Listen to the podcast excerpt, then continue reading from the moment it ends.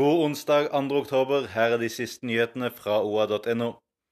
Lastebilsjåfør Hans Olav Slottsveen ble provosert da han leste i OA om den utenlandske sjåføren som nylig rygget ned et lyssignal i Gjøvik sentrum uten reaksjoner fra politiet. Selv ble, Slottsveen fratatt førerkortet og fikk bot etter at han i fjor rygget ned en lyktestolpe på en parkeringsplass. Urettferdig forskjellsbehandling, sier Slottsveen til OA.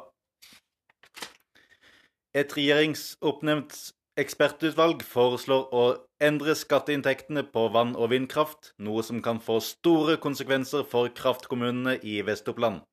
Vi er lei av en finansminister som ligner mer og mer på sheriffen av Nottingham, sier Ola Tore Dokken, ordfører i Nordre Land, som risikerer å miste over 22 millioner i årlige inntekter.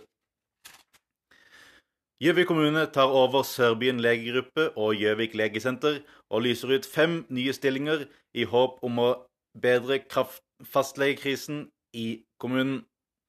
Følg med på oa.no for de siste og viktigste nyhetene fra Vest-Oppland.